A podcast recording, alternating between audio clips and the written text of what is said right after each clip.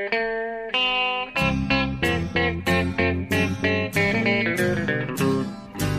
out there, we're on the air. It's hockey night tonight. Tension grows, the whistle blows, and the puck goes down the ice. The goalie jumps and the players bump and the fans all go insane. Someone roars, Bobby scores at the good old hockey game.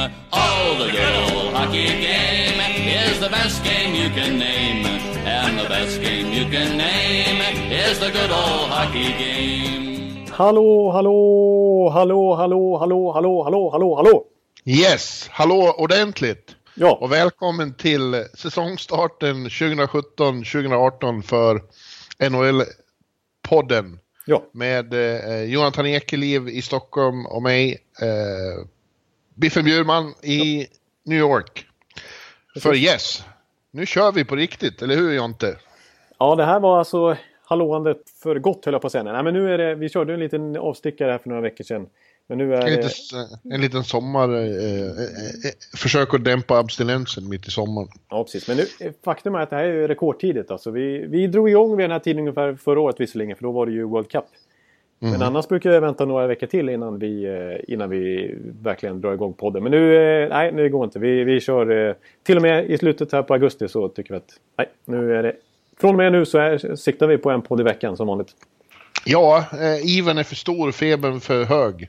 Eh, vill komma igång. Eh, det är bara så. Det, det, det, det var länge sedan, jag tror nästan aldrig det har varit så eh, jobbigt att vänta på att säsongen ska börja.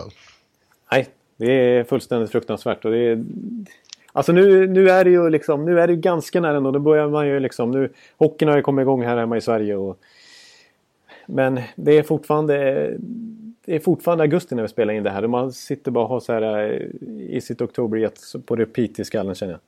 Det är, det är en Ja. månad kvar innan det börjar på riktigt.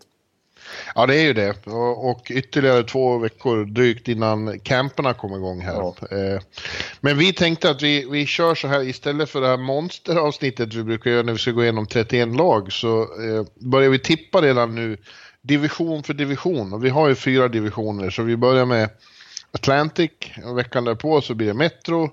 Och så fortsätter vi med Central och Pacific. Och då har vi kommit väldigt nära eh, säsongstarten. Eh, Då, då kan vi tillägna ett, ett avsnitt innan, eh, eller två till och med, vi får se hur många vi hinner innan säsongstart.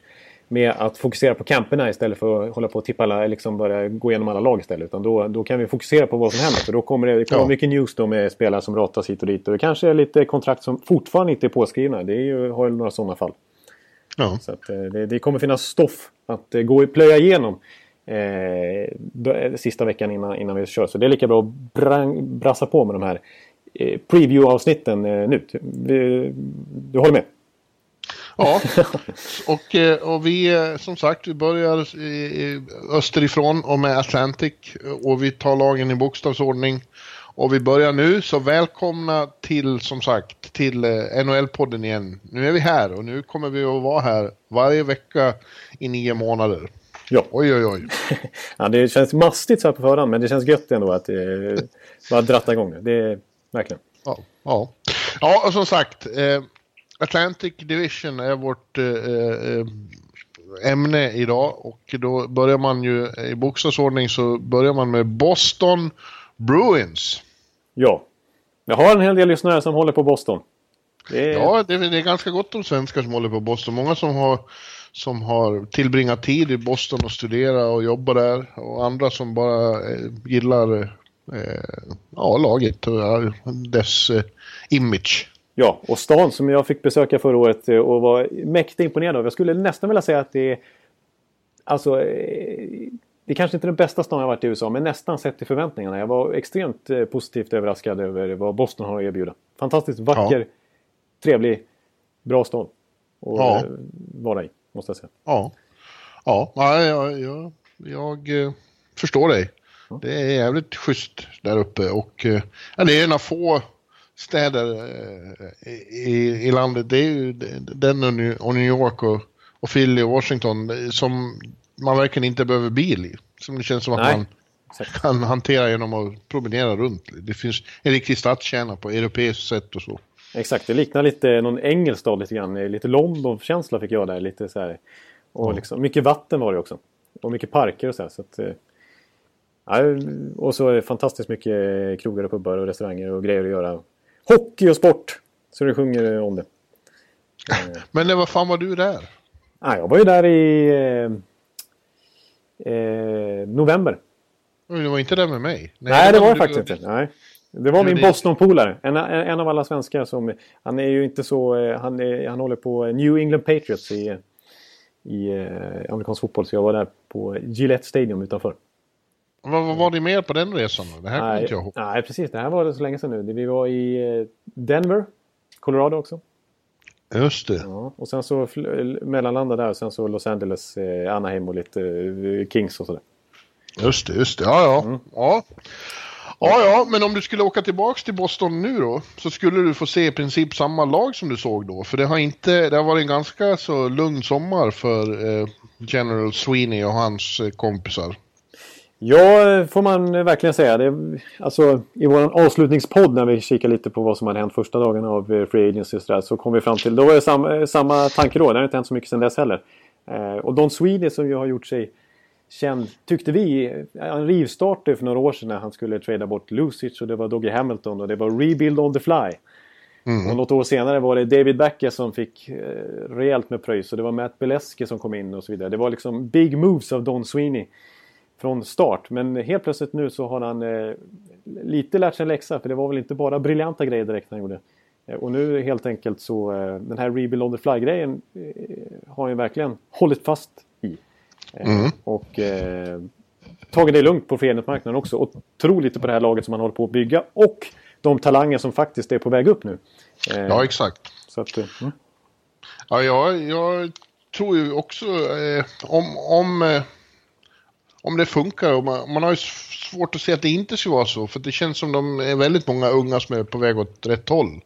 Ja. Eh, framförallt, eller inte minst på eh, Backsidan. back, backsidan. Ja, där ju, eh, det kanske på pappret om någon tittar som inte har följt den eller något och tittar på det tycker den ser tunt ut och att när Chara börjar bli gammal och så men, men de har ju eh, en sån som eh, Charlie McAvoy som kom in i slutspelet direkt från från gatan eller på så säger man från skolan eh, var ju sensationell tycker jag och det, det känns otroligt spännande att han ska liksom göra en riktig säsong nu. Ja, alltså precis. McAvoy känns ju nästan som en tidig kandidat till Calder Trophy. Ja, Så pass bra är han. Fick ju eh, från skolan kan man säga. Det var väl till och med Boston University eller om det var Boston College han kom från. Eh, och eh, och spe, fick spela några, först några matcher i AHL och så märkte de att oj, oj, han är alldeles för bra för att spela AHL. Det är bara att slänga upp han i slutspelet här i sluttampen av säsongen i Boston. Han fick ju debutera i slutspelet var det. ja. Eh, och gjorde ju fantastiskt bra ifrån sig. Han levde verkligen upp till eh, hypen direkt. Så att eh, så generationsväxlingen som helt plötsligt sker på backsidan där med Brandon Carlo som verkligen slog Ja. i laget förra året också. Eh, och, och jag menar en sån som Tory Krug är inte lastgammal heller. 92, 91, 92 någonting. Så att, ja, det ser ju jätte, jättebra ut det. Trots att Chara är snart 40 bast. Ja. Ja, och på forwardsidan känns det också som det eh, trycker på bra bakifrån. Till att börja med har de ju en av de bäst, allra bästa kedjorna i hela ligan då med Marchand, Bergeron och eh, Pasternak. Eh, Vi, vi kommer väl in på Pasternak lite extra men vi, vi, i den här podden så antar vi att eh, Don Sweeney löser ett kontrakt där. Ja, det är, ju- det är ju orosmolnet då för Boston att, eh, och för Boston-fansen att eh, eller, det, det, det tar emot lite i, i kontraktsförlängningarna där. Eller försöken att få till en kontraktsförlängning med Pasternak. Och så då har det börjat gå rykten om att de kanske kommer att trada honom, vilket ju vore en katastrof eh, av eh, en till så här, Tyler Seguin, Ja, verkligen. Dougie, Dougie Hamilton, Phil Kessel, Joe Thornton-grej. Ja, just det. det de har ju varit experter på det så det får inte, det får inte ske. Nej. Eh, helt enkelt. Eh, men man, alltså, grejen är väl lite grann här att, att de har en liten intern grej som många andra klubbar har. Vi har sett i Colorado tidigare när de tradade bort Ryan O'Reilly för de vill inte ge han mer pröjs än till exempel Duchene och så här, som hade mest i laget. Och nu är ju Pasternak eh, tycker att han ska ha bra med pröjs men Boston vill å andra sidan att eh, Bergeron och Martian, deras, som de ser som allra högst upp i hierarkin, än så länge, ska ligga på eh, bäst lön. Och Bergeron har väl 6,8 tror jag, Martian 6,1. Medan Pasternak, han tittar ju, han sneglar nu på Dreisaitl. Leon Draisaitl som har skrivit på. Det missade vi i förra podden för det hade inte hänt då. Eh, men han, han skrev ju alltså ett jättekontrakt med 8,5 miljoner i capita. Och grejen som gör att Pasternak onekligen kan snegla, snegla på det här. Visst, man kan hävda att Dreisaitl är en ännu större talang. Men de gick, båda gick väl i 2014-draften, samma år. Eh, de är lika gamla ju, typ. Eh, och har nästan exakt samma facit i NHL än så länge. 0,7 poäng per match. Eh, och Pasternak gjorde 34 kassar och 70 poäng förra året. Dreisaitl gjorde 29 kassar och 77 poäng förra året. Eh, så en väldigt likvärdig karriär i NHL hittills eh, för dessa 2014 draftees i första rundan. Så att, ja, det är klart att Pasternak sneglar på honom och, och kanske vill ha upp mot 7,5 miljoner i lön. Men då blir det ju mer än Bergeron och Marchand. Mm. Eh, och det, där, det är ju där skon klämmer, för Sweeney vill ju ha någon slags hierarki. Ja. Så att, eh, ja. Ja, vi får se om de löser det. Jag måste, jag måste göra det. Det är bara, ja. Eh, bara anpassa sig till den nya eh, verkligheten. Jag tycker det jag har haft svårt att göra det själv, att förstå de här nya kontrakten. Helt plötsligt så framstår ju till exempel Vladimir Tarasenko som bara häromåret skrev på för 7,5 miljoner dollar som en stil nästan. Men i sommar här hade han ju varit uppe på 10 miljoner liksom. Ja, så det har ju ja, snabbt absolut. gått framåt här och Conor McDavid sätter ju en ny standard naturligtvis. Och, och även eh, tidigare år med Kane och Taves och Kopitar. Så att, det är, lönestrukturen går uppåt i takt med lönetaket i stort naturligtvis har ökat markant de senaste åren. Man säga. Mm. Så då är, då är de här nivåerna spelarna ska ha. Helt enkelt. Ja. Men, eh, men jag tror att Pasternak, de kommer, de kommer signa upp det, Han är för ja. viktig. Ja, och gör de det så har de en första kedja som är en av de bästa i hela ligan.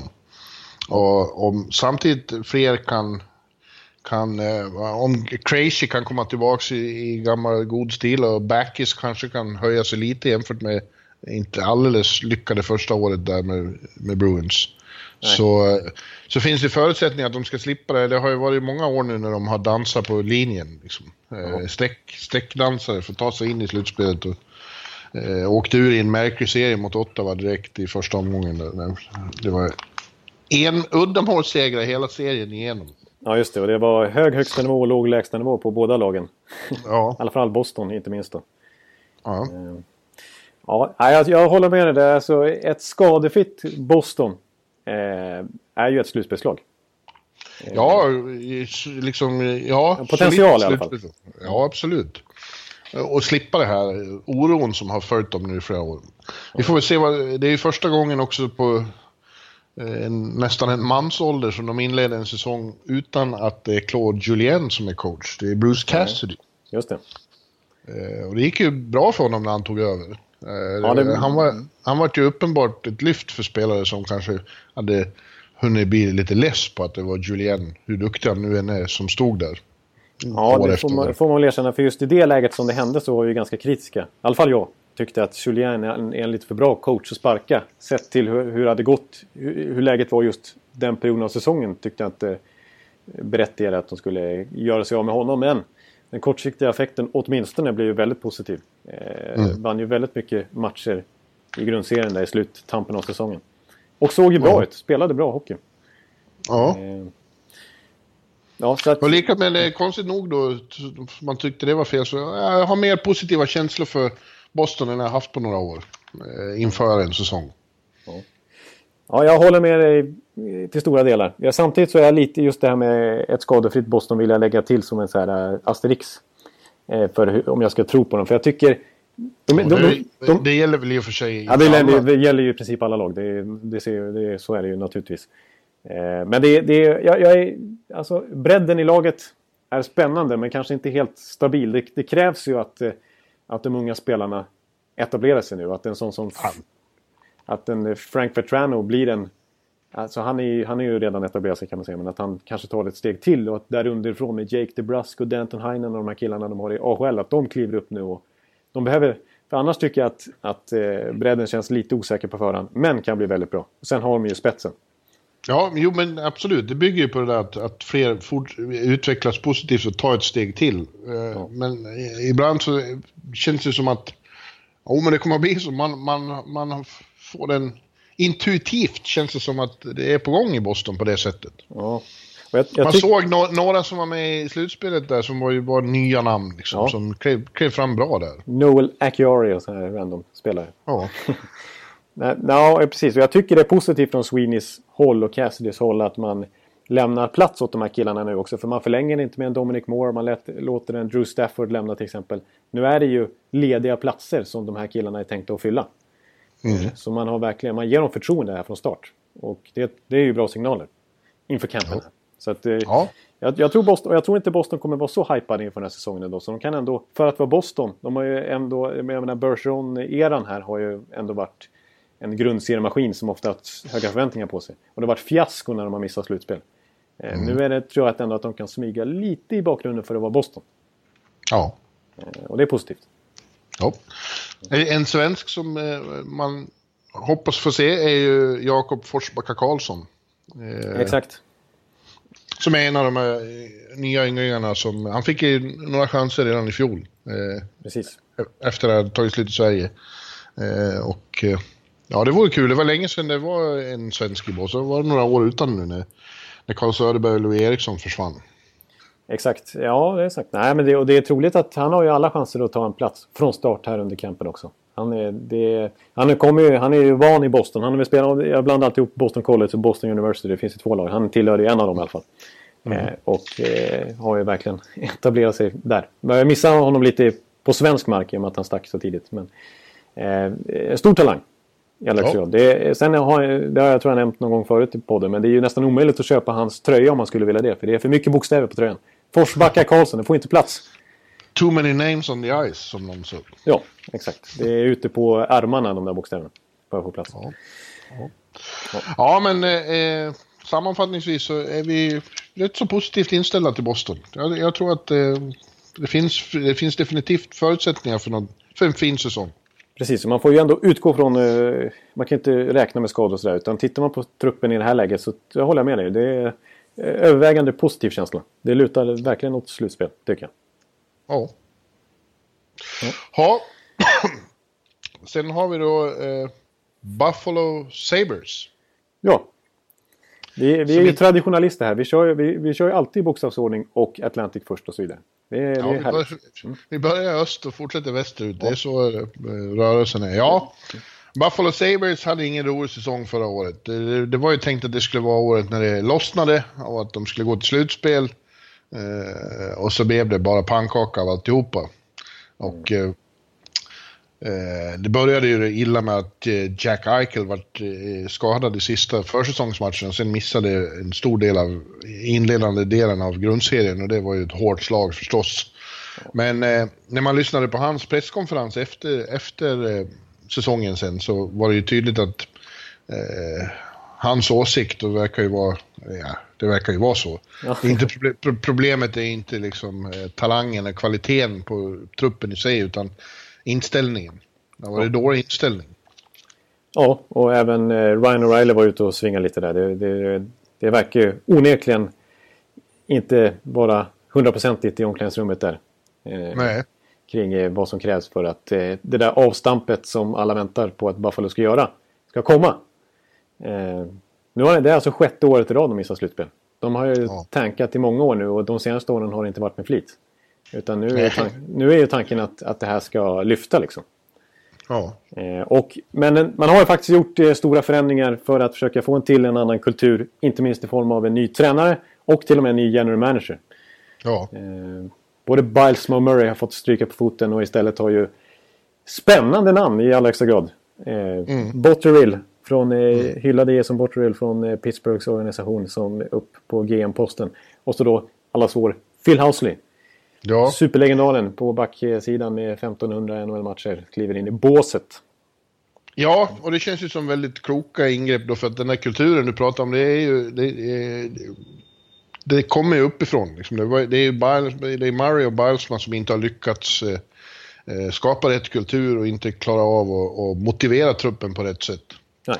Eh, och det syntes ju, det var ju liksom, strama ju på många håll med Bilesman där. Man kommer ihåg när någon, någon match när Lener vart utbytt. Blicken han gav Balsman på väg till båset då.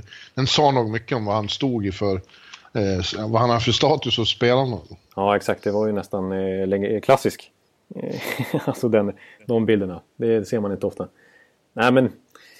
Ja, nej, alltså, och då, alltså deras statistik förra året eh, var också talande tycker jag för instabiliteten i truppen. Att, och också eh, högsta nivån som finns där. Någonstans. Eh, alltså talangen de har eh, samlat på sig under de här tankåren. För att de hade mm. faktiskt ligans bästa powerplay. De hade nästan 25% i powerplay vilket ju är helt fantastiska siffror. Eh, men å andra sidan släppte ja. de, de släppte till flest skott bakåt av alla lag. De släppte till klart tre skott fler per match än till exempel jumbon Colorado. Eh, så att eh, verkligen så här svajig liksom. Det går inte att få något grepp på honom statistiskt. Utan fantastiskt och katastrof, katastrof på samma gång. Liksom. Och, ja. Så det är helt rätt naturligtvis att de börjar om på ny kyla nu med nytt i styrelserummet och nytt eh, i båset. Ja, det blir ju väldigt intressant med Phil Housley och han framstår ju för mig som en väldigt... Eh, han verkar så snäll. Jag är inte ja. så hundra på att eh, det känns som det som behövs. Men det kanske det är. Det är modernt tänkt. Han verkar ju vara en... Eh, jag läste någonstans nu, han har redan rätt fort han ringt runt alla i truppen, haft långa samtal med alla. Ja. Eh, eh, Sympatisk. Och, Ja, ja, men bara det säger ju också väldigt engagemang och mån om att skapa en annan eh, inställning, en annan sammanhållning. Ja, ja nej men och, exakt. Ja, jag tror, ja, ja, alltså det finns ju frågetecken naturligtvis kring Housley på det viset att han har ju aldrig varit eh, i närheten egentligen av en huvudtränarroll. Eh, han är ju ganska färsk i coachbranschen mm. ändå. Han har, han har varit faktiskt eh, huvudtränare en gång i USAs JVM-lag 2013 tror jag. Då var de guld. Men eh, annars har han varit huvudtränare för, för ett high school-lag på sin höjd. Eh, och sen, sen, så fick han ju chansen då som assisterande i Nashville och då hade han ju otroliga backar att jobba med. Men gjorde det ju på ett väldigt bra sätt. Ja. Och står ju för en spelande hockey.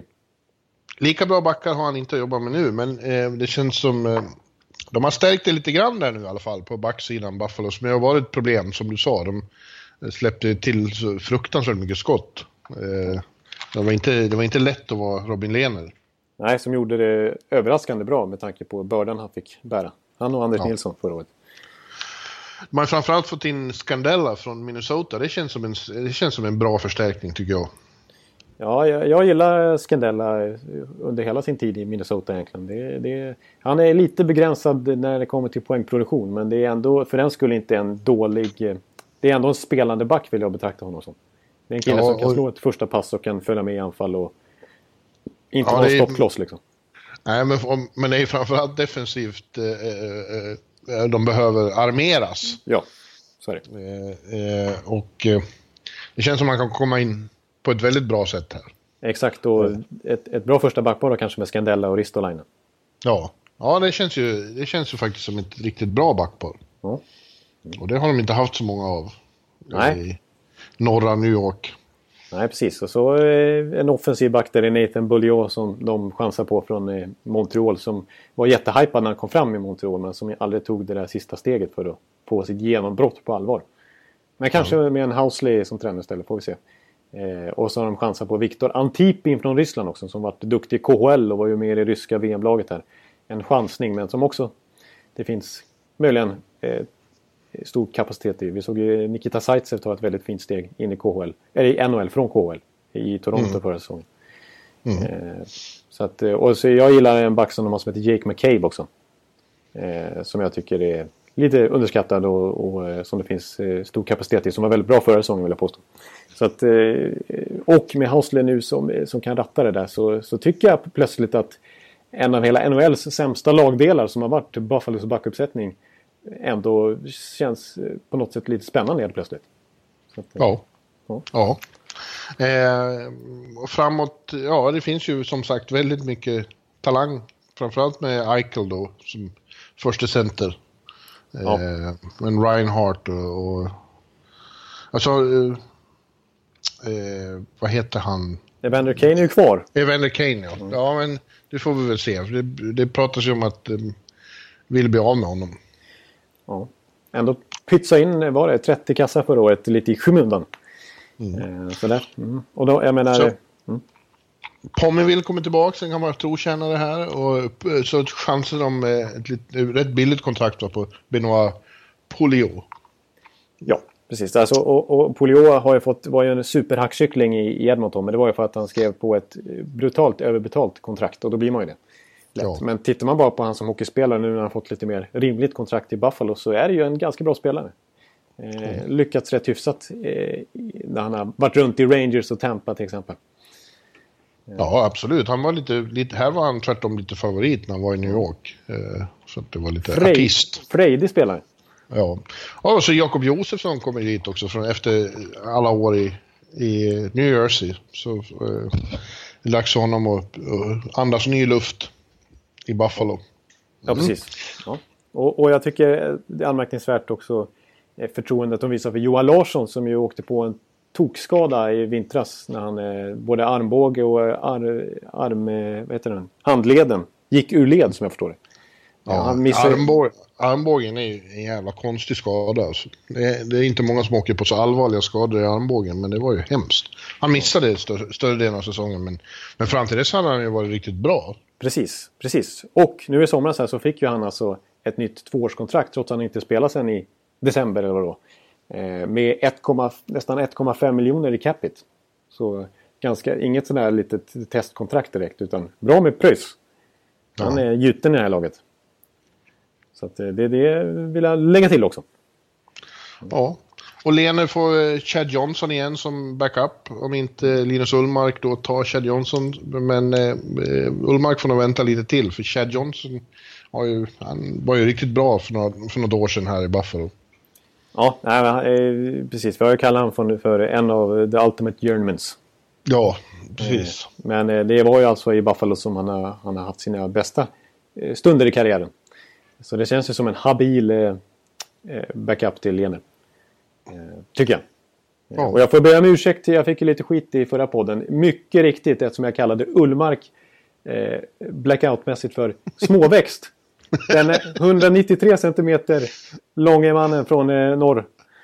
Eh, I mina ögon är han småväxt kommer 1,60 från, från Örby och säger att han är kort. Nej, exakt. Så att jag får nog passa mig om jag ska eh, överhuvudtaget synas i någon omklädningsrum i Buffalo eller Rochester här i, i vinter. Ja. Det tänker jag, ja. Ja, men känslan tycker jag är att uh, det går åt rätt håll i Buffalo. Det borde gå bättre än i fjol. Jag, är inte hundra på att det blir slutspel redan nu för att konkurrensen är så hård, men, uh, men uh, de stångar sig uppåt. De kommer att vara mer konkurrenskraftiga.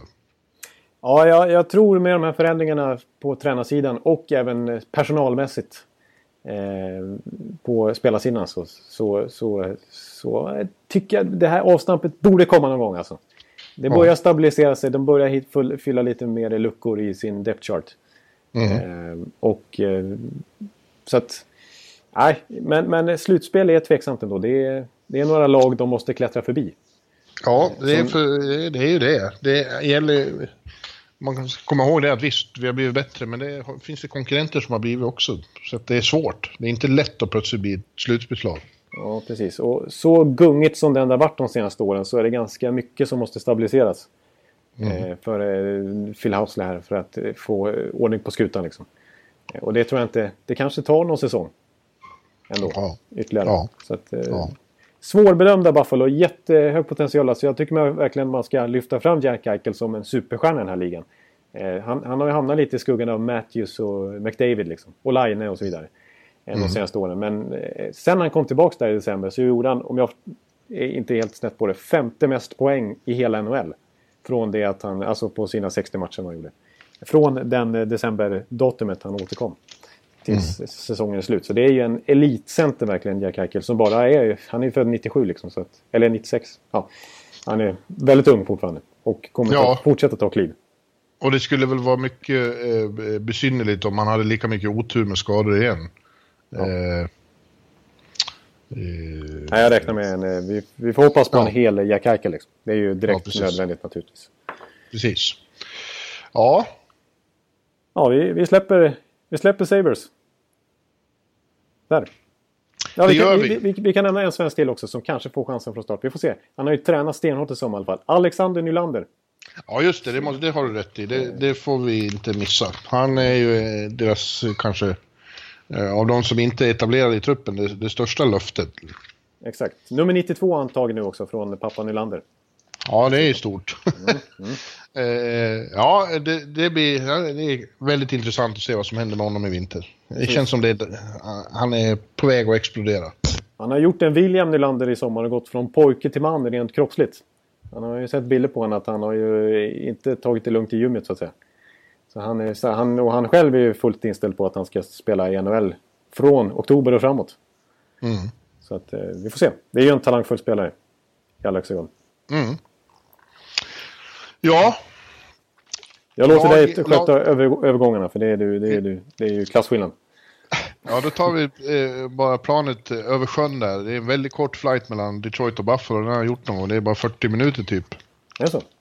Ja, man flyger rakt över sjön. det tar betydligt längre tid att köra. Just det, måste man runt det. Ja. Om man inte vill in i Kanada då och köra, men det är jävligt krångligt. Det. Eh, och då hamnar vi som sagt i Detroit. Eh, och eh, här har vi först pratat om två lag som det känns som de är på väg åt rätt håll. Tyvärr så känns det som att Detroit är på väg åt andra hållet. Eh, ja. Det hade behövts, Ken Holland hade behövt göra mycket i vinter men har knappt gjort någonting. Nej.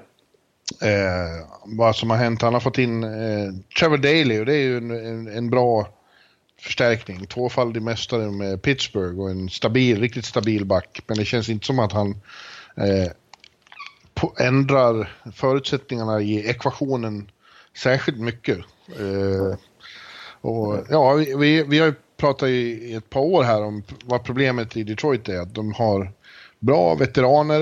Eh, Z var ju liksom fantastisk förra året. Absolut. Och de har bra, intressanta talanger på väg upp. Men däremellan, det som ska vara stommen nu, som borde ha liksom eh, etablerat sig som, som eh, ja, bryggan mellan de här två polerna den har ju inte blivit vad man har hoppats på. Nej, precis. Det, och, det, och det hade ju Toronto, eller Toronto, Detroit i allra högsta grad förväntat sig. För de började ju väldigt bra i sina karriärer. Tatar och, och Nyqvist och Sheehan och hela gänget där som eh, först vann Calder, eh, Calder Cup med Grand, mm. Grand Rapids och sen eh, hade fina rookie-säsonger allihopa och såg ut att det här kommer bara fortsätta stegra. Men tvärtom Glenn har de nästan stagnerat. Ja, Glenn Denning. Eh, De Kaiser på backsidan kan man lägga till. Ja. Eh, nödvändigtvis inte dåliga, men inte den här nya stommen som skulle formas. Eh, Nej, Nej och... inte med Detroit mot mätt vad de hade förr.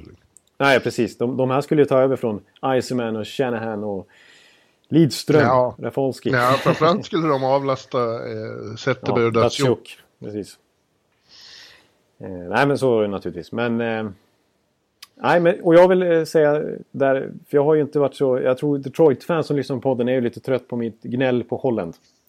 Det, det har ju varit återkommande inslag. Eh, men jag är ju inte...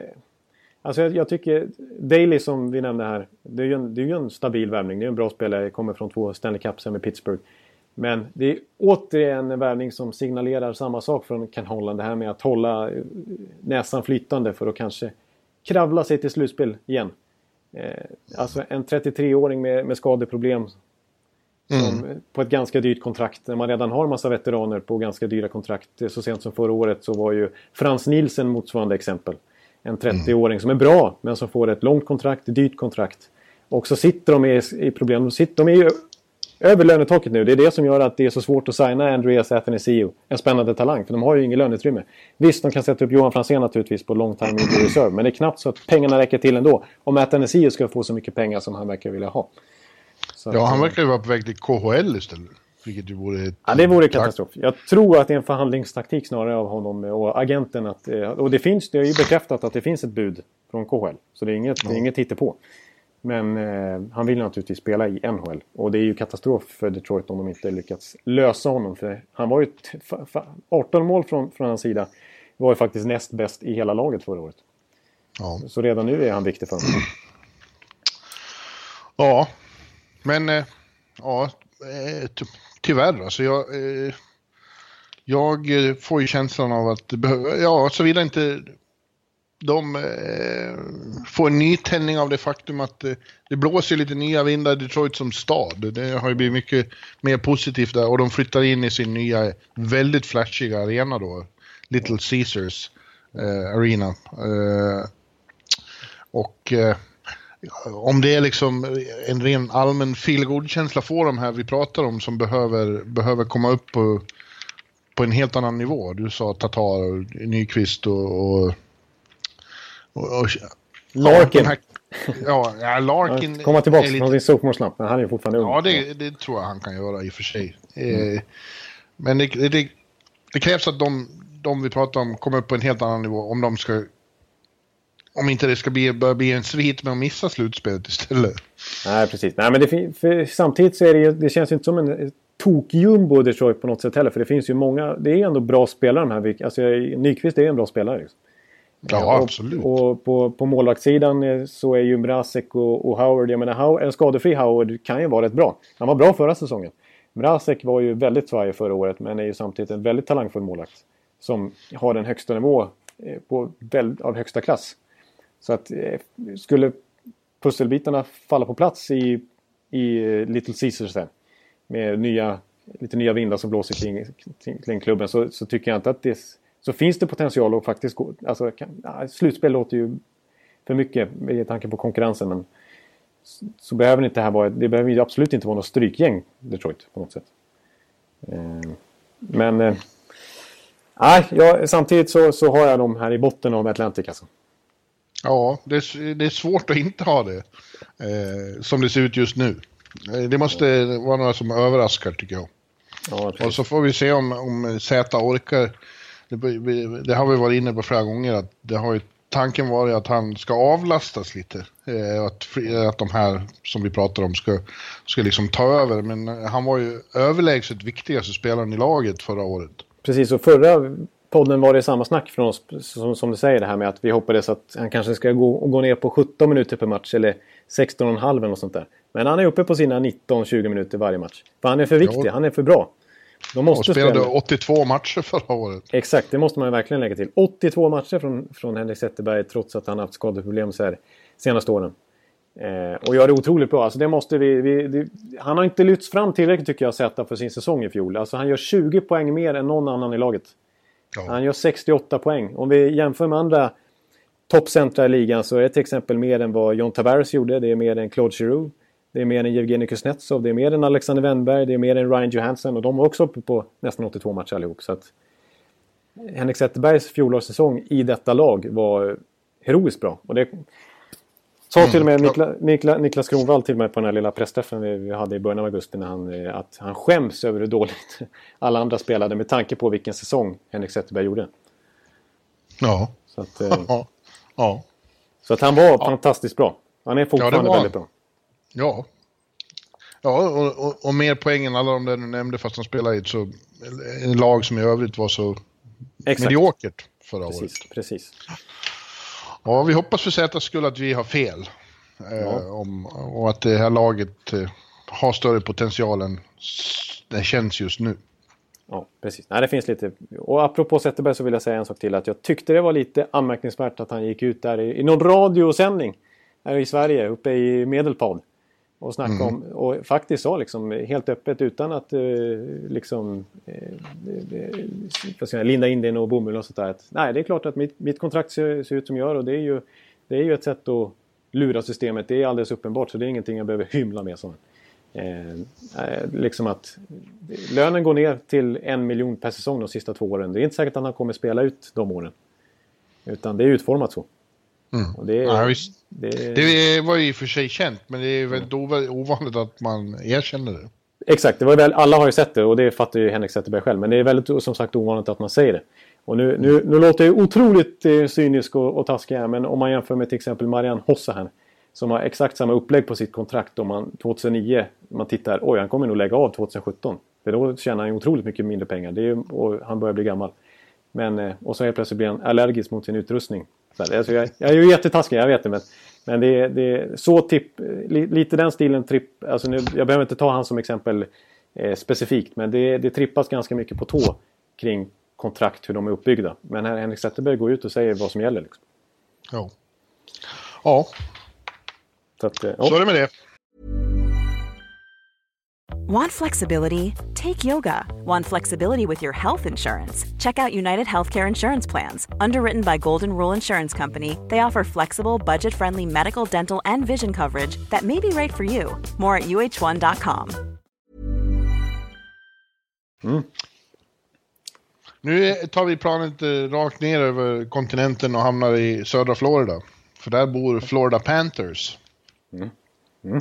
Och det är ju också ett litet sorgebarn tyvärr. De, eh, de har en förmåga att ställa till det för sig själva de. Eh, två säsonger sedan vann de hela divisionen och såg ut att vara på väg att ta eh, steget upp i den yttersta eliten. Eh, Med ett väldigt fint lagbygge. Men de har krånglat till det med att byta eh, eh, grundideologi i klubben flera gånger eh, och maktkamper i, i eh, styrelserum och, och, och, och konstiga trader. Liksom. De ställer Ja. till det för sig, eller hur? Ja, verkligen. Det här är ett svårt lag att få grepp om. De, och det har de inte om sig själva heller. De, de, det är som du säger, de har bytt ideologi två gånger om här på ett år. Ungefär. Ja. Och gått från ett divisionsvinnande lag alltså till att missa slutspel med dunder och. Eh, och fortsätta den här sommaren med lite eh, ömsom bra grejer, ömsom märkliga. Computer Boys verkar ha förlorat inflytandet. Eh, Dale Talons, eh, Talon som skickades snett uppåt är tillbaks och tagit över makten igen. Ja, och ingen vet riktigt vad Florida står för just nu. Nej, alltså Bob Bogner är ju, är ju en ung och spännande coach men inte någon uttalad fancy cat-kille direkt. Eh, och Nej. man, man tar in Jack Capuano har ju kommit in som associate coach också. Ja, Eh, som också inte heller är den eh, eh, dataskolan kanske direkt. Eh, och en sån som Chris Pronger har, fått, eh, har blivit senior advisor. ja just Och. Sean Thornton, den gamla fighten, han har, blivit, han har fått någon businessroll. Så nu, nu är det liksom lite Dales gamla gubbar här istället. Ja. Ja, men så har de ju gjort lite ingrepp i truppen som, ja, man, eh, man förstår inte riktigt eh, varför man eh, gör sig av med, varför inte Jager till exempel får nytt kontrakt. Det, eh, han har ju varit en, en, en väldigt bra pjäs där. Eh, Absolut, och extremt naturligtvis omtyckt i omklädningsrummet. Jag menar, Barkov har uttalat sig enormt om honom och hans betydelse i, för det här unga laget de senaste åren. Eh, och han är, jag menar, de har släppt Jonte Marchessault tappar de ju gratis då i expansionsdraften. Och som inte det vore nog så skickar man Riley Smith mot bara ett fjärde val till Vegas. Man liksom dumpar honom kan man säga. Eh, och även Jussi Jokinen fick eh, dumpas bort på Free Agents i marknaden. Och helt plötsligt så har man gjort sig av med fyra av sina sex bästa målskyttar från den förra säsongen. Ja, Och man fick ett fjärde val i utbyte totalt sett kan man säga. För re- resten var ju Free Agency liksom. Eller expansionen. Ja, Så att... Eh, nej, det är väl inte klockrent agerat. Sen har man fått in några spännande namn. Det är ju... Evgenij Dadonov är väl den som sticker ut från KHL. Kan ju bli Ja. en supersuccé. Han, med tanke på vad han har presterat i KHL. Där han ju varit en eh, superstjärna. Eh, och eh, en riktig målskytt. Och så Radim Verbata som ju aldrig har lyckats någon annanstans än i Arizona-öknen. nej, Så han där- börjar, bli lite, han börjar bli lite journeyman han med. Ja, faktiskt. Eh, men man tittar, tittar man på statistiken i Arizona igen så är, det ju bara att konstatera att han var den free agent som gjorde mest poäng av alla. Han gjorde mer poäng än till exempel Radulov förra säsongen. Så att det finns ju hockey i honom också. Ja, men det är som du säger, det verkar han, han, han ska vara i, i Arizona och trivas där för att det ska gå bra. Jag, jag var just där, så jag förstår ju varför man trivs i Phoenix. Ja. I, i om, området där. Jag bodde i Scottsdale ett par nätter här i slutet av min roadtrip. Spelarnas favorit. Ja, där förstår jag att de, fan vad fint det är där. Alltså. Oj, oj. Ja, jag, jag försökte, jag låtsades och åkte omkring där lite. Jaha, undrar, undrar om det där Oliver bor. Ja, ja, han bor väl säkert där någonstans i Scottsdale. ja, han bor i Scottsdale. Ja, ja, och det är där Shane Doan har tillbringat eh, halva sitt eh, liv. Hela sitt vuxna liv. Ja, ja. ja, men Florida då, i, i övrigt så, på pappret är det ju fortfarande väldigt mycket bra spelare här. Alltså. Ja. Eh, både, både på backsidan och forwardsidan. Vi har ju Ekblad, Jandal, Demers. Eh, på backsidan Huber då, Bar, Barko som du nämnde. Eh, Trocek, Bjugstad. Eh, det, det, är ett bra lag. Det är bara det att man, jag får känslan av att det är sån här turbulens som, som har varit nu inte... Skakar man bara inte av sig på en gång. Det, det, det finns en slags osäkerhet i vad händer i den här klubben egentligen. Kommer det att bli förändringar igen? Ja, man tilltron till eh, de ovanför sig kan ju inte vara superstark med tanke på vilka förändringar det har varit. Radikala förändringar. Eh, och... Nej, så att, men, men det, jag vill ändå när vi ändå varit lite negativa här så vill jag ändå trycka lite positivt på just de spelarna som du säger. För att de hade ju lite skadeproblem förra året. Huberdo missade ju, var ju tillbaka först i januari och sånt där. Och Barkov hade ju, var ju borta stora delar av vintern. Och Ekblad har ju haft sina hjärnskakningar. Och Bjugstad har ju varit väldigt skadebenägen hela sin NHL-karriär. Men om de här killarna skulle få vara skadefria så är det en jättebra stomme alltså. Mm. Eh, och en stomme som alltså ledde dem till divisionstiteln så sent som för två år sedan när Dale Tellon var boss. Eh, så att det... det ja, jag, så att det här, Florida är för mig ett lag som kan falla igenom totalt faktiskt. Och till och med sluta sist i divisionen. Så illa kan det vara. För att börjar snöbollen rulla åt fel håll igen så, så är det inte så kul i Florida med liksom 7000 på läktarna och ingen som bryr sig. Då blir de det här äh, laget som, ingen, som alla skiter i. Men eh, rullar åt rätt håll och de får vara skadefria och, och, och det här... Vi får ett... Barco har ju snackat om att han har ju mer nivåer i sig och Ekblad har ju naturligtvis det också. En Luongo i kassen kanske håller fortfarande. Då är det ett lag som kan eh, absolut gå till slutspel. Var det vad han sa till dig, Barkov, när du träffade honom? Att han ja, flera... ja han är, han är, han är, han är, med tanke på att han har saktats ner lite av skada här så tänker han att nu när han är i form igen här så han har tränat mycket extra i sommar på sin skridskoåkning och så vidare. Så, så tänker han sig att eh, det, ska, det ska bli ännu mer poäng från hans klubba. Ja, vad fint hör du.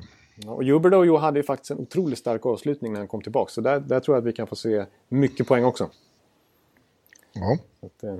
Ja, alltså det, de är lite svårbedömda. Som du säger, de kan gå åt skogen eh, och de sitter där, vi sitter där igen på de där tomma läktarna som du och jag såg. Mm. Eh, så, men, men det finns potential också. Det finns ju slutspelspotential om allting fungerar.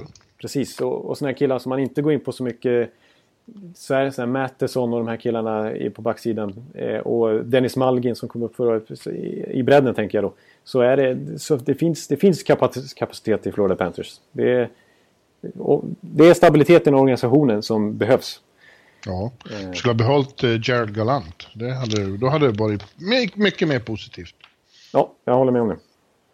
Det såg ju bra ut på den tiden. Ja.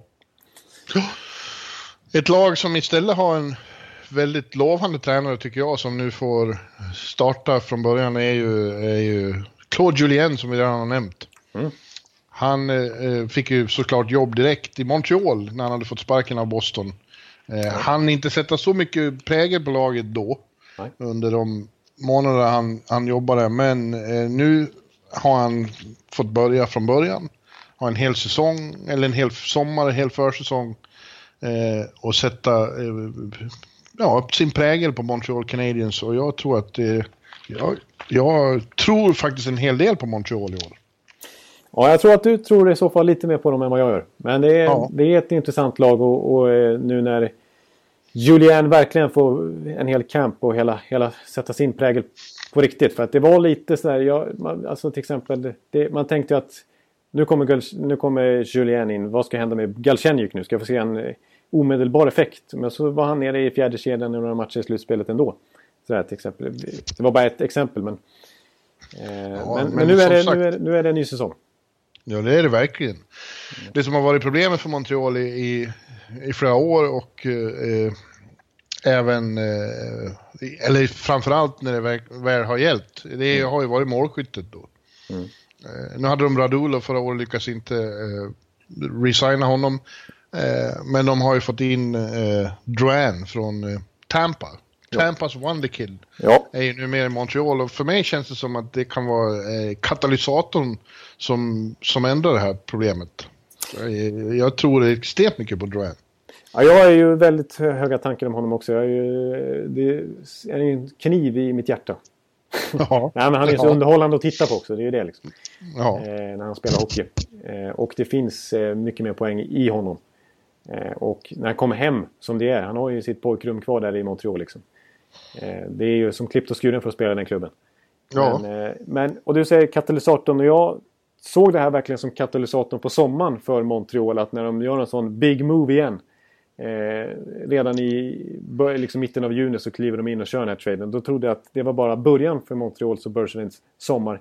Men faktum är när jag tittar så här med några månader senare på vad som har hänt, forwardsmässigt i alla fall, så är det ju i princip eh, i grova drag Radulov ut, Jonathan Drouin och inte så mycket mm. mer. De är fortfarande ingen första center. Det är fortfarande frågetecken kring Galchenyuk. Det kanske fortfarande är Filip Danot som första center när vi drar igång säsongen.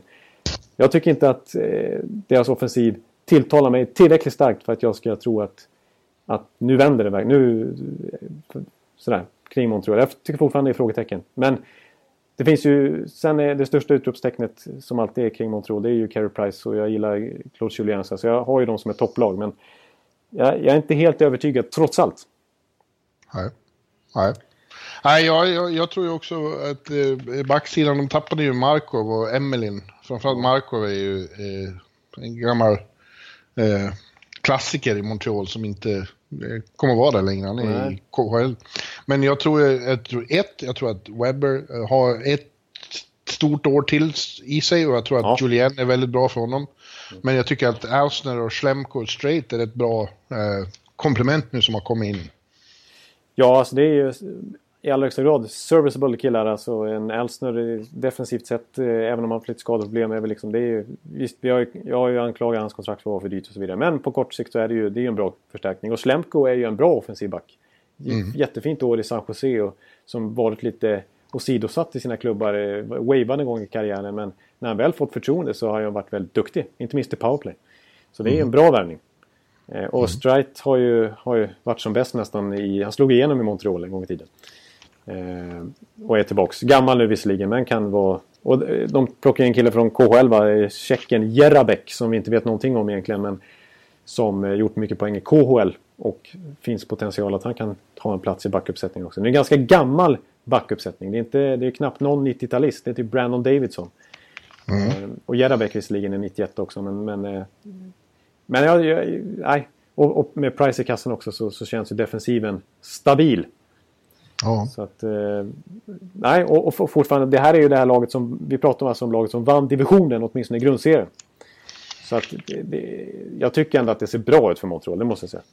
Slutspel blir det ju. Det blir absolut, absolut slutspel. Jag har, har, svårt att se att de ska kollapsa så som de gjorde för något år sedan, men då var ju alltså Carey Price skadad. Men... Eh, nej, ja, jag, jag, jag är mer positiv än du. Jag tror, jag tror en del på, på Montreal. Julien, eh, Drouin och, och eh, Price. Det känns som en, en, en, en trissig succé. Ja, det är bra. Det, det, det vill Habs-fansen höra tror jag.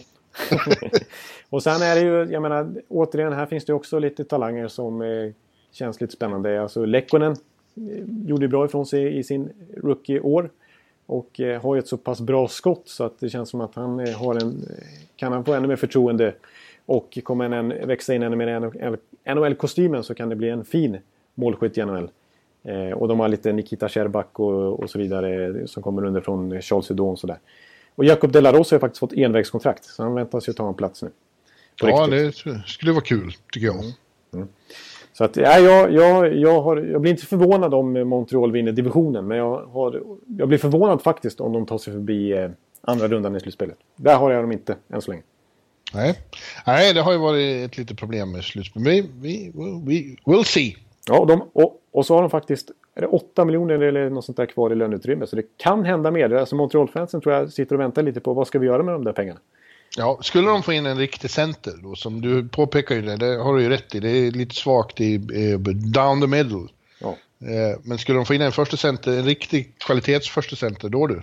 Där de får, eh, de gör traden i, i slutet av februari med Vancouver och får in bröderna Sedin. Ja. Båda två kommer.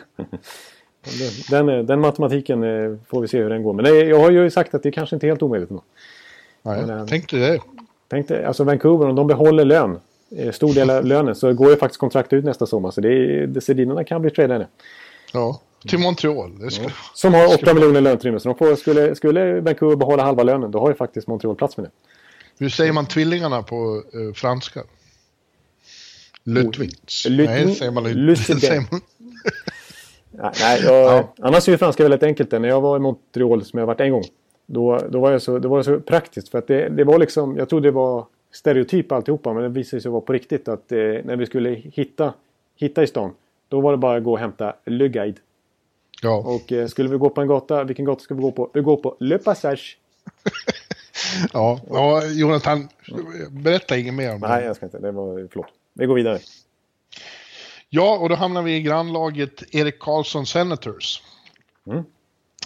Och det säger jag ju såklart helt medvetet, för det är precis vad det handlar om för Ottawa. Det är Erik Karlsson, Erik Karlsson, Erik Karlsson. Ja. Ja, Du, du, har, ju, han- du har ju sammanfattat det en gång i, på ett bra sätt där med att eh, ett Erik Karlsson eh, i Ottawa kan gå till konferensfinal. Ett lag utan, ett Ottawa utan Erik Karlsson, de går inte ens till slutspel. nej, exakt. Så är det. Om han har eh, ytterligare en sån här Norris Trophy, fantastisk säsong i sig så är Ottawa ett hot. Om inte, nej, då är de inget hot. Eh, och eh, ja, jag vet inte. Alltså de var ju ett sketet mål från Stanley Cup-final. Det var ju sudden death i Game 7 mot Pittsburgh. Ja. Och det kunde ha gått hur som helst. Eh, och ändå så känner man sig inte hundra på att eh, de kommer att gå ett slutspel. Eh, för att, för att det, de är så extremt beroende av en spelare. Men jag har ju också den här käpphästen som jag var inne på några gånger. att Tampa Bay Lightning var också ett mål i Game 7 i en konferensfinal eh, 2011. Mm. Eh, och det var Guy Bouchers för, första år där. Mm. Eh, året därpå missade de slutspel.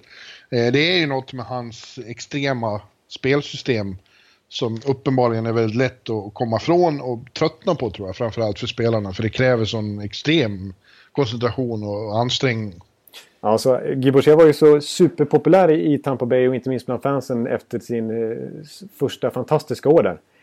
Efter torra år i Tampa där verkligen.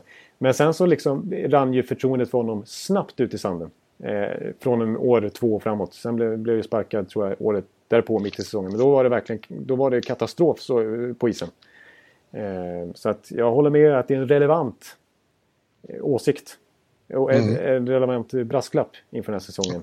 Att eh, de ska stå ut med hans direktiv i omklädningsrummet ett år till. Det är inte säkert Ja. att det biter lika bra.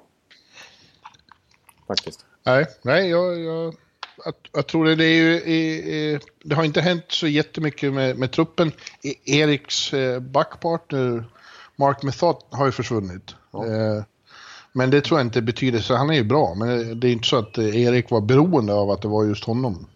Nej, verkligen. Nej, det är sant. Alltså, vem än Erik Karlsson har spelat med. Fredrik Claesson fick ju chansen eh, när Metot, eh, eh, hack, hans finger var borta. Det försvann ju nästan av eh, när Sidney Crosby hackade på det.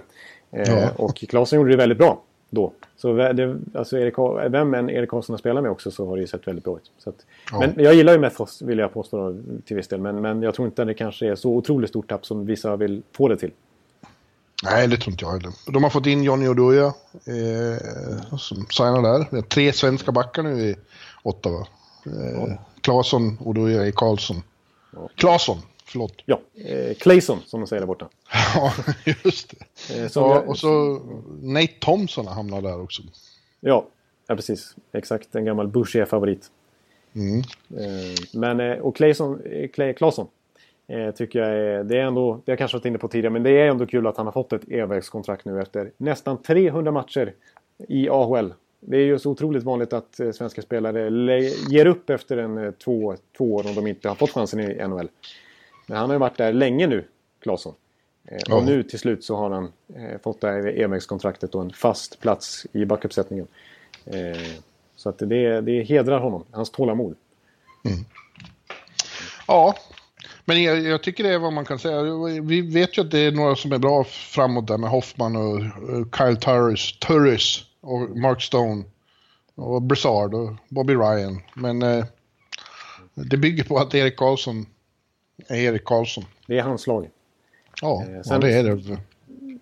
Det är ja, maximalt hans lag. Det är ungefär som att Conor McDavid är, är Edmontons eh, lag. Det är de två som är sådana pionjärer nästan. Eller sådana härförare av extrem mått. Eh, sen vill jag säga så här, en annan härförare i ett lag är John Tavares. Och nu ska jag inte gå in på New York Islanders plötsligt i Atlantic Division. Men jag var inne i motsvarande tidpunkt förra året. Så, så blev du lite trött på mig när jag skulle, när jag skulle nämna det här. Eh, för att du tyckte det var alldeles för tidigt. Men då var jag inne på att Snart kommer vi börja prata om att John Tavares kontrakt går ut. För det, han blir free agent 2018. Det kom, det blir, han, är liksom, han var nya Steven Stamkos då, att det kan bli ett eh, orosmoment. Eh, kanske, kanske inte närmsta tiden, men det kommer bli det. Nu är ju John Tavares en het potatis här med hur det ska bli. Ska de, kontraktet gå ut eh, efter säsongen. I mm. Ottawas fall, varför jag går in på detta, så är ju Erik Karlsson samma, samma motsvarande tidpunkt nu. Hans kontrakt går ut 2019. Ja. Eh, så att, eh, och med tanke på hur otroligt viktig han är för den här organisationen. Så, eh, så är Erik Karlsson alltså, det, det, det, det är otroligt viktigt. De kan ju inte förhandla med honom ens ännu så det är, liksom, det är ingen stor fråga än. Men jag, jag, redan nu så här ett och ett halvt år i förväg så, så vill jag bara nämna att det kommer att bli en fet potatis. För att Erik Karlsson kommer ju bli den första backen, om ingen annan hinner före, att tjäna över 10 miljoner per säsong. Nej, såklart. Just nu är han ju väldigt billig eh, för vad han. Han är superbillig, 6,5 miljoner. Men eh, han kommer kosta otroligt mycket för Ottawa att behålla ett lag som har en intern lönebudget. Helst inte vill spendera till taket heller. Nej. Så att, eh, Nej, tänk, om, mm. tänk honom någon annanstans. Om han får för sig jag vill testa free agency-marknaden. Ja, exakt. Men du ser, om ett år eh, så, är, så kanske vi är i den situationen att Erik Karlsson fortfarande inte har signat. Och då är det bara en säsong kvar. Sen går det ut. Då är han free, unrestricted free agent, Erik Karlsson. Tänk dig huggsexan. Ja, det kommer vara så otroligt snack om det. Om det blir så. Alltså, oj, oj, oj, vilken grej det kommer vara. Mm. ja, ja. Intressant. Men eh, till, till början med ska de igenom den här säsongen och ja, vi, vi, vi sammanfattar det som vi börjar med. Erik Karlsson, Erik Karlsson, Erik Karlsson. Ja, ja. Sen går vi till Tampa, ditt lag. Och vi ska, vi ska inte bli mer långrandiga om dem än om några andra. Nej. Eh, jag, vill, jag har ju skrivit, jag varit ju tvingad att krama ur mig ett tips om varje lag här till vår plustjänst. Så om man har ja. plus på Aftonbladet ska man gå in och läsa om alla 31 lag redan nu. Det var du och vår eh, plusredaktör Erik... Emil. Nej, Emil. Emil. Fin-Emil eh, Karlsson Lagnelius som eh, tvingade mig till det. Ja, och du... det, har redan, det har redan fått mail av Tampa-fans om. Är det sant? jag hävdar ju där då att de, de, de var ju säsongens, förra säsongens stora negativa överraskning. Stora besvikelse. Ja, det var det. det, var det. De, de, skulle vara med och vinna och missade slutspel och jag hävdade att det berodde framförallt på bristande inställning i början då. De trodde att det skulle gå av sig självt, så sa ju de själva. Och sen när de väl inte trodde det längre så var det för sent. Ja. Men då har en, en, en arg Tampa-supporter, ni, ni finns ju några stycken. Ja, vi är några stycken. Vi är ungefär 8-9 stycken i Sverige. Han skriver här att uh, nu ska han rätta med att Tampa missade inte slutspelet bara för att de trodde att det skulle lösa sig. De missade slutspelet för att de till sist hade Point som första center. Eh, helt enkelt, det var för mycket skador. Och, och, det där är ju sant på slutet, men det var ju problemet i början var ju att eh, de inte hade rätt inställning och sen när de behövde, eh, när de skulle försöka klösa sig tillbaka in i contention så visst, då var det för mycket skador. Ja, men jag håller, jag håller med han till viss del, men jag håller nog mer med om din analys. Så att, tyvärr så är jag inte riktigt på min fellow Tampa supporters sida där. Utan eh, jag håller med Biffen där, för det är ju den stora grejen. Att de, de tog det inte på allvar från start. Nej. De var mätta, de hade gått långt i flera slutspel och eh, de hade flest spelare på World Cup en kort sommar.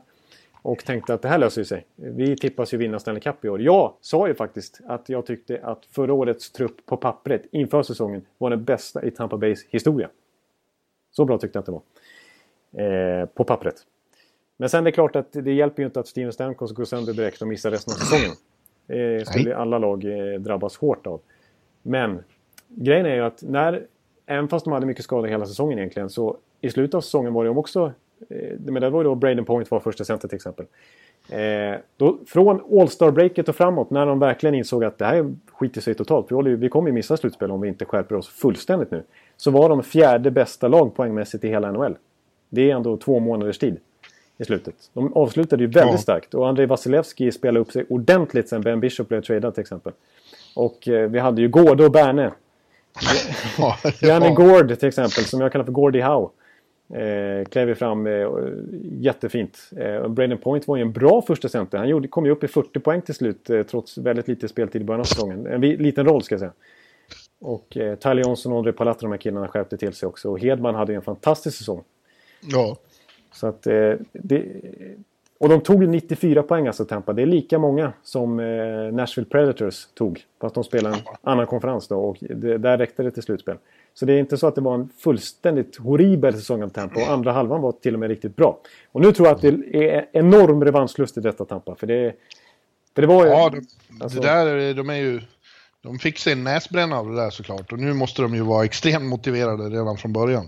Precis, nu, nu, nu kommer det inte upprepa sig. Alltså, om de inte är bra i början av säsongen då beror det inte på inställning utan då beror det på att de inte är tillräckligt bra helt enkelt. Och det tror jag att de är. Jag tror att de är ett lag för toppen av divisionen. Mm. Trots att jag är väldigt färgad här. Men... Ja, men samtidigt så vet jag, du sa ja, inför förra säsongen så var det bästa lag du har sett där nere. Mm. Eh, Eh, Iceman tvingades ju till vissa, eh, eller tvingades, han gjorde vissa ingrepp i truppen under resans gång där på slutet. Som sagt, Bishop försvann, mm. eh, Brian Boyle, eh, Filppula, eh, några till. Och sen tappade de eh, Garrison som inte har varit någon favorit hos dig till... Nej, men ändå. Det är, det är några namn, några ärrade Tampa-veteraner som har försvunnit, som har varit med på resan till Stanley Cup och konferensfinaler.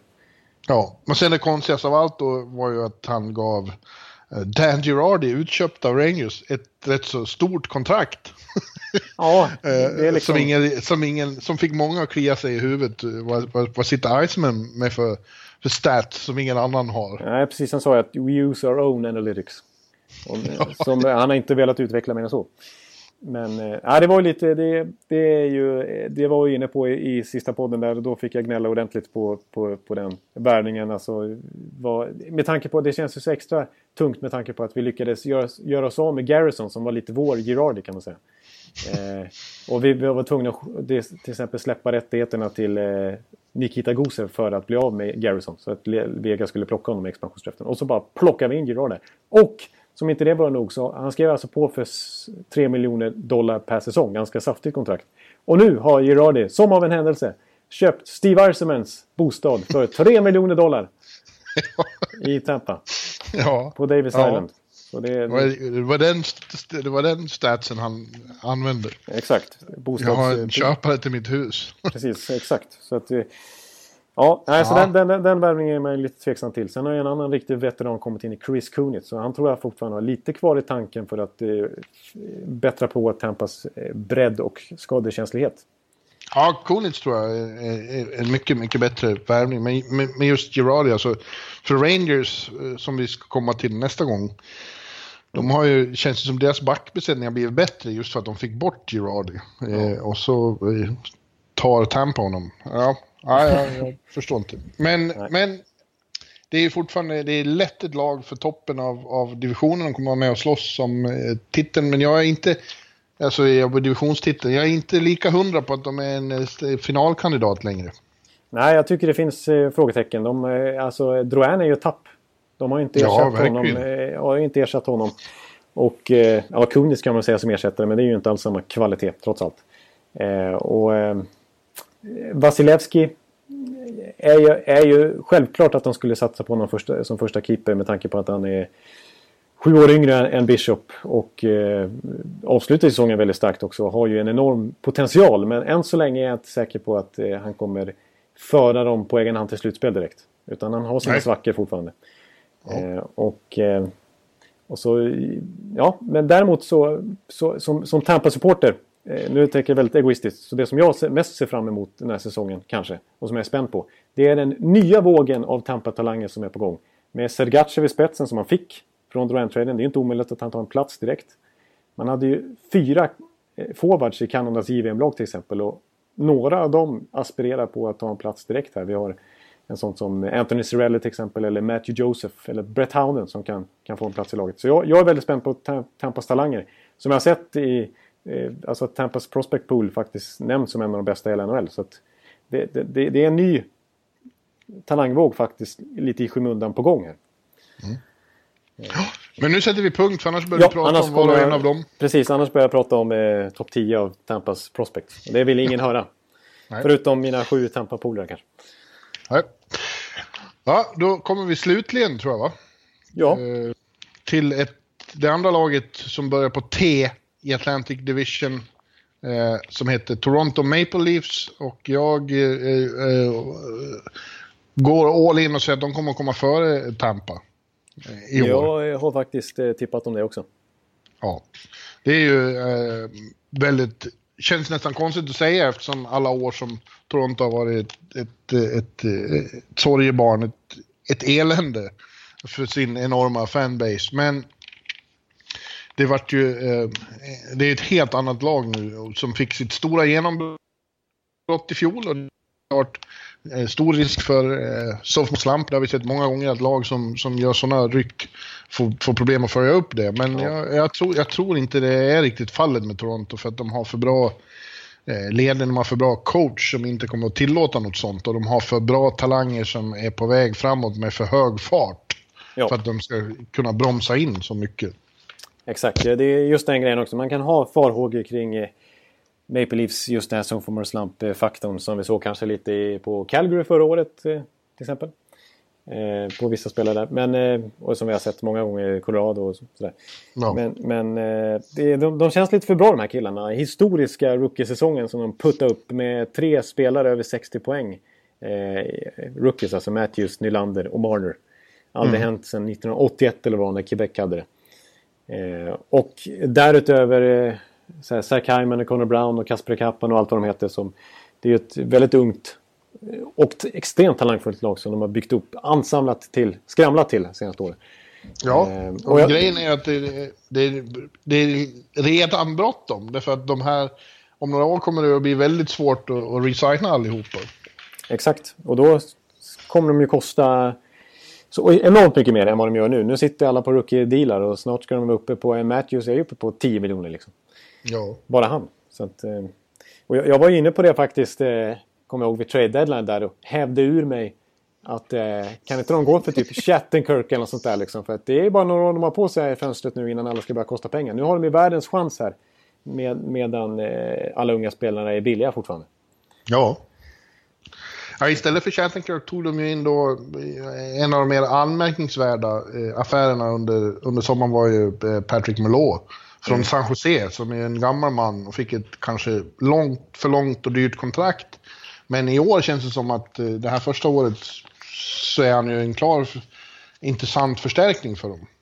Ja, ska man isolera... Med, med, med sin rutin och sin, sin målfarlighet och så. Ja precis, ska man isolera till, till att bara blicka på den här säsongen som vi ju har som i, i våra, som vi previewar just nu. Så är ju Mar Marlowe en, en eh, klar förstärkning. 27 kassar förra året och att han, jag menar, han, det är klart man kan, man kan slänga sig med klyschor med rutin och allt det där. Men det kommer ju behövas i det här unga laget. Ja. Eh, och det känns som att han kommer passa in perfekt, eh, blev alla småttingar där. Och håller fortfarande hög klass. Mm. Sen tycker jag, vi pratade lite om Marlowe och jag gnällde på det där kontraktet rejält i vår avstickarpodd här tidigare i augusti. Men eh, en, jag tyckte det var en intressant eh, poäng som eh, vår lyssnare Robert Lund kom med då. När, han, när jag sa det, i och med att Marlows kontrakt i princip enbart är uppbyggt på sign-on bonusar, att han får enorma klumpsummor varje år. Så går det ju typ inte att köpa ut hans kontrakt. Så som NHLs system är uppbyggt. Så att, och det var ju katastrof tänkte vi då för att då, sista tredje året när Marlowe kanske är tvärslut och kostar massa pengar och Matthews ska ha nytt kontrakt. Så kommer det vara katastrof för Toronto. Men fördelen med att ha massa sign-on, alltså signing-bonusar är väl då i så fall att grundlönen blir ju väldigt låg. Så om Toronto tradar honom efter, efter första julen när han fått den här bonusen så är ju, har han typ ingen lön alls. Och då kanske ett Arizona eller vi hittar på något sånt där lag som ligger... Som, nu kanske inte Arizona är ett bottenlag då. direkt. Utan med något annat lag med mycket löneutrymme som kan svälja capiten men som knappt behöver betala någon lön. Skulle mm. kunna träda till sig Marlows kontrakt då. Så det, det, behöver inte vara helt eh, så lika klappkast eh, för den skull. Nu har han visserligen no trade-klausul men, men, det behöver inte vara så dåligt som vi fick det att framstå då. Vill jag bara tillägga. Det som känns som in, inte så jätteimponerande är ju eh, då backarna. Uh, de plockade in mm. Ron, Ron Hainsey som fick vinna Stanley Cup med Pittsburgh. Uh, men där var ju mer en sån som man tyckte var en, en av de här backarna som uh, bara passade in i systemet. Uh, inte, inte stack ut så mycket. Och det gör väl inte här heller. Morgan Riley är den stora där, som är ung, fin pjäs. Ja. Men i övrigt så blir det lite systemet där med som får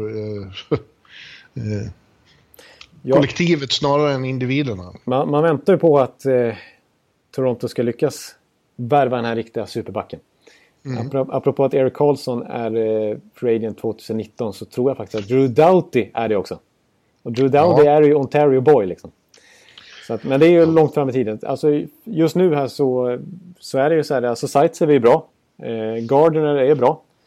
Men eh, den här, alltså, den här, de här urtyperna för att hålla ett första par. Det tycker jag knappt att Riley, alltså Riley är nog där men eh, han är ju ingen fantastisk första back än så länge i sin karriär. Riley är fortfarande också lite skakig och lite begränsad i sin offensiva produktion. Eh, tycker jag. Det är, det är, inte 5 plus bakåt utan det, det, det, som är, det som höll ihop det någorlunda förra året det var ju Babcocks system som du säger. Ja. Vill jag påstå. Så att... Jag håller med dig att där finns det lite frågetecken ändå. Ja, ja jag tror inte... Eh, som sagt, jag tror de vinner divisionen men jag tror inte det räcker hela vägen till final. Nej. Mm. Det beror på lite vad som händer i deadline till exempel. Om de, om de leder divisionen då och känner att de verkligen kan satsa. Om de kan få in någon free back eller fylla på lite så här, bredda upp det liksom. Rädda det på det viset. Eh, mm. Men... Eh, få in Erik Karlsson. ja, exakt. Nej, men eh, de... de eh, ja, och jag är ändå positivt överraskad över deras slutspelserfarenhet nu i våras. Jag menar, de stod upp väldigt bra mot Washington. Fem av sex ja. matcher gick till förlängning. Fem av sex ja. matcher. Ja. Så att, eh, de, de gjorde det väldigt bra ändå. Där, tycker jag, för att vara första gången för många av spelarna. Ja. Och Babcock som coach har jag högt förtroende för. Så att, ja, vem har inte det? Det har ju alla. Det, det har ju alla. Det, det, är ju ett av deras främsta vapen, att de har en sån jävla bra coach.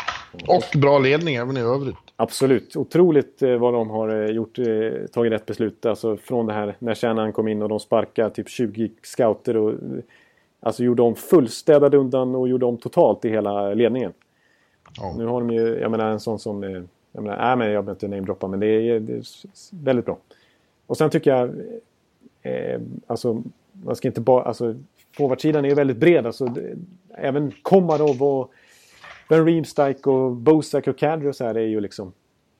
Det är, jag tycker de har fyra kedjor i princip som är bra. Mm. Så att bredden är, bredden är fin. Det är den. Det, är, det, det var ju... Ja, det går inte ens att, att komma på när senast Leafs-fansen hade en så anledning att vara så positiva inför en säsong som nu. Exakt, precis. Så är det och Då känner jag att man, trots att vi bara kört i eh, en dryg timme, så känner jag att eh, nu har man plöjt på så mycket så att det är lite känsla av den här tre timmars podden redan nu. Alltså. Att, ja, men eh, tänk vad jobbigt det skulle vara om vi skulle köra tre divisioner till rakt av. Nej, precis. Det räckte, räckte gott och väl känner jag med att ta en division i taget. Ja, det gjorde det. Jag har nästan, jag har nästan mer jag skulle vilja formulera kring alla lag här, men det får räcka så här. Man, man börjar bli lite trött i strupen här. Känner. Ja, och i huvudet. Ja. Och, eh, men vi återkommer nästa vecka med Metropolitan Division. Eh, ja. Och de åtta lagen där. Exakt, precis. Det ska bli oerhört spännande. Den kanske bästa divisionen i NHL. Ja, men... Eh, det är kanske svårast att tippa också. Ja. Ja, det är väl den och Central fortfarande. Ja, det är de två faktiskt, det håller jag med om. Nej, men vi, eh, vi, vi, vi stannar väl där då. Vi gör det. Och, eh, men även om du är trött i stupen så är det roligt att komma igång igen, eller hur? Ja, exakt. Det måste jag säga. Det, måste jag säga. Det, det, det känns skönt nu att komma in i de här gamla rutinerna. Man har varit lite rastlös där i sommar när man inte ens haft podden att eh, återvända till. Liksom. Nu, nu, är det en gång i veckan. Så att vi, vi hörs egentligen helt enkelt nästa vecka. Då är det på riktigt. Då är vi inne i det. Ja, yeah. det är vi. Att, eh, Då säger vi tack för den här eh, premiären. Ja, och eh, säger tack för att ni är med oss även den här säsongen. Yes, yes. Hej då! Hej, hej, hej! Hallå, hallå, hallå! Hallå, hallå, hallå! Alex Chiazot, Joe Luis Arena och Esposito. Esposito. Uttalsproblem, men vi tjötar ändå. Och alla kan vara lugna, inspelningsknappen är på. Bjuder Hanna Kohl, han är grym i sin roll. Från Kållesoffan har han fullständig kontroll på det som händer och sker. Det blir ju allt fler som rattar in hans blogg. Och lyssna på hans podd. One, two, three, speed, so Hallå, hallå, hallå. One, two, three, speed, so Hallå, hallå, hallå. Ekeliv, som är ung och har driv. Verkar stor och stark och känns allmänt massiv. Han hejar på Tampa och älskar Hedman. Sjunger som Sinatra. Ja, och det ser man. Nu är det dags för refräng. Dags för magi, Victor Norén. Du är ett geni. Så stand up at home and remove your hats. Höj volym, för nu är det plats. One, two, time, speed, so Hallå, hallå, hallå. One, two, time, speed, so Hallå, hallå, hallå. One, two, time, speed, so Hallå, hallå, hallå. One, two, time, speed, so Hallå, hallå, hallå. Det er utroligt længe siden mor, der samtidig trods har råd. Hallå, hallå, hallå. Det er utroligt længe siden mor, der samtidig trods har råd.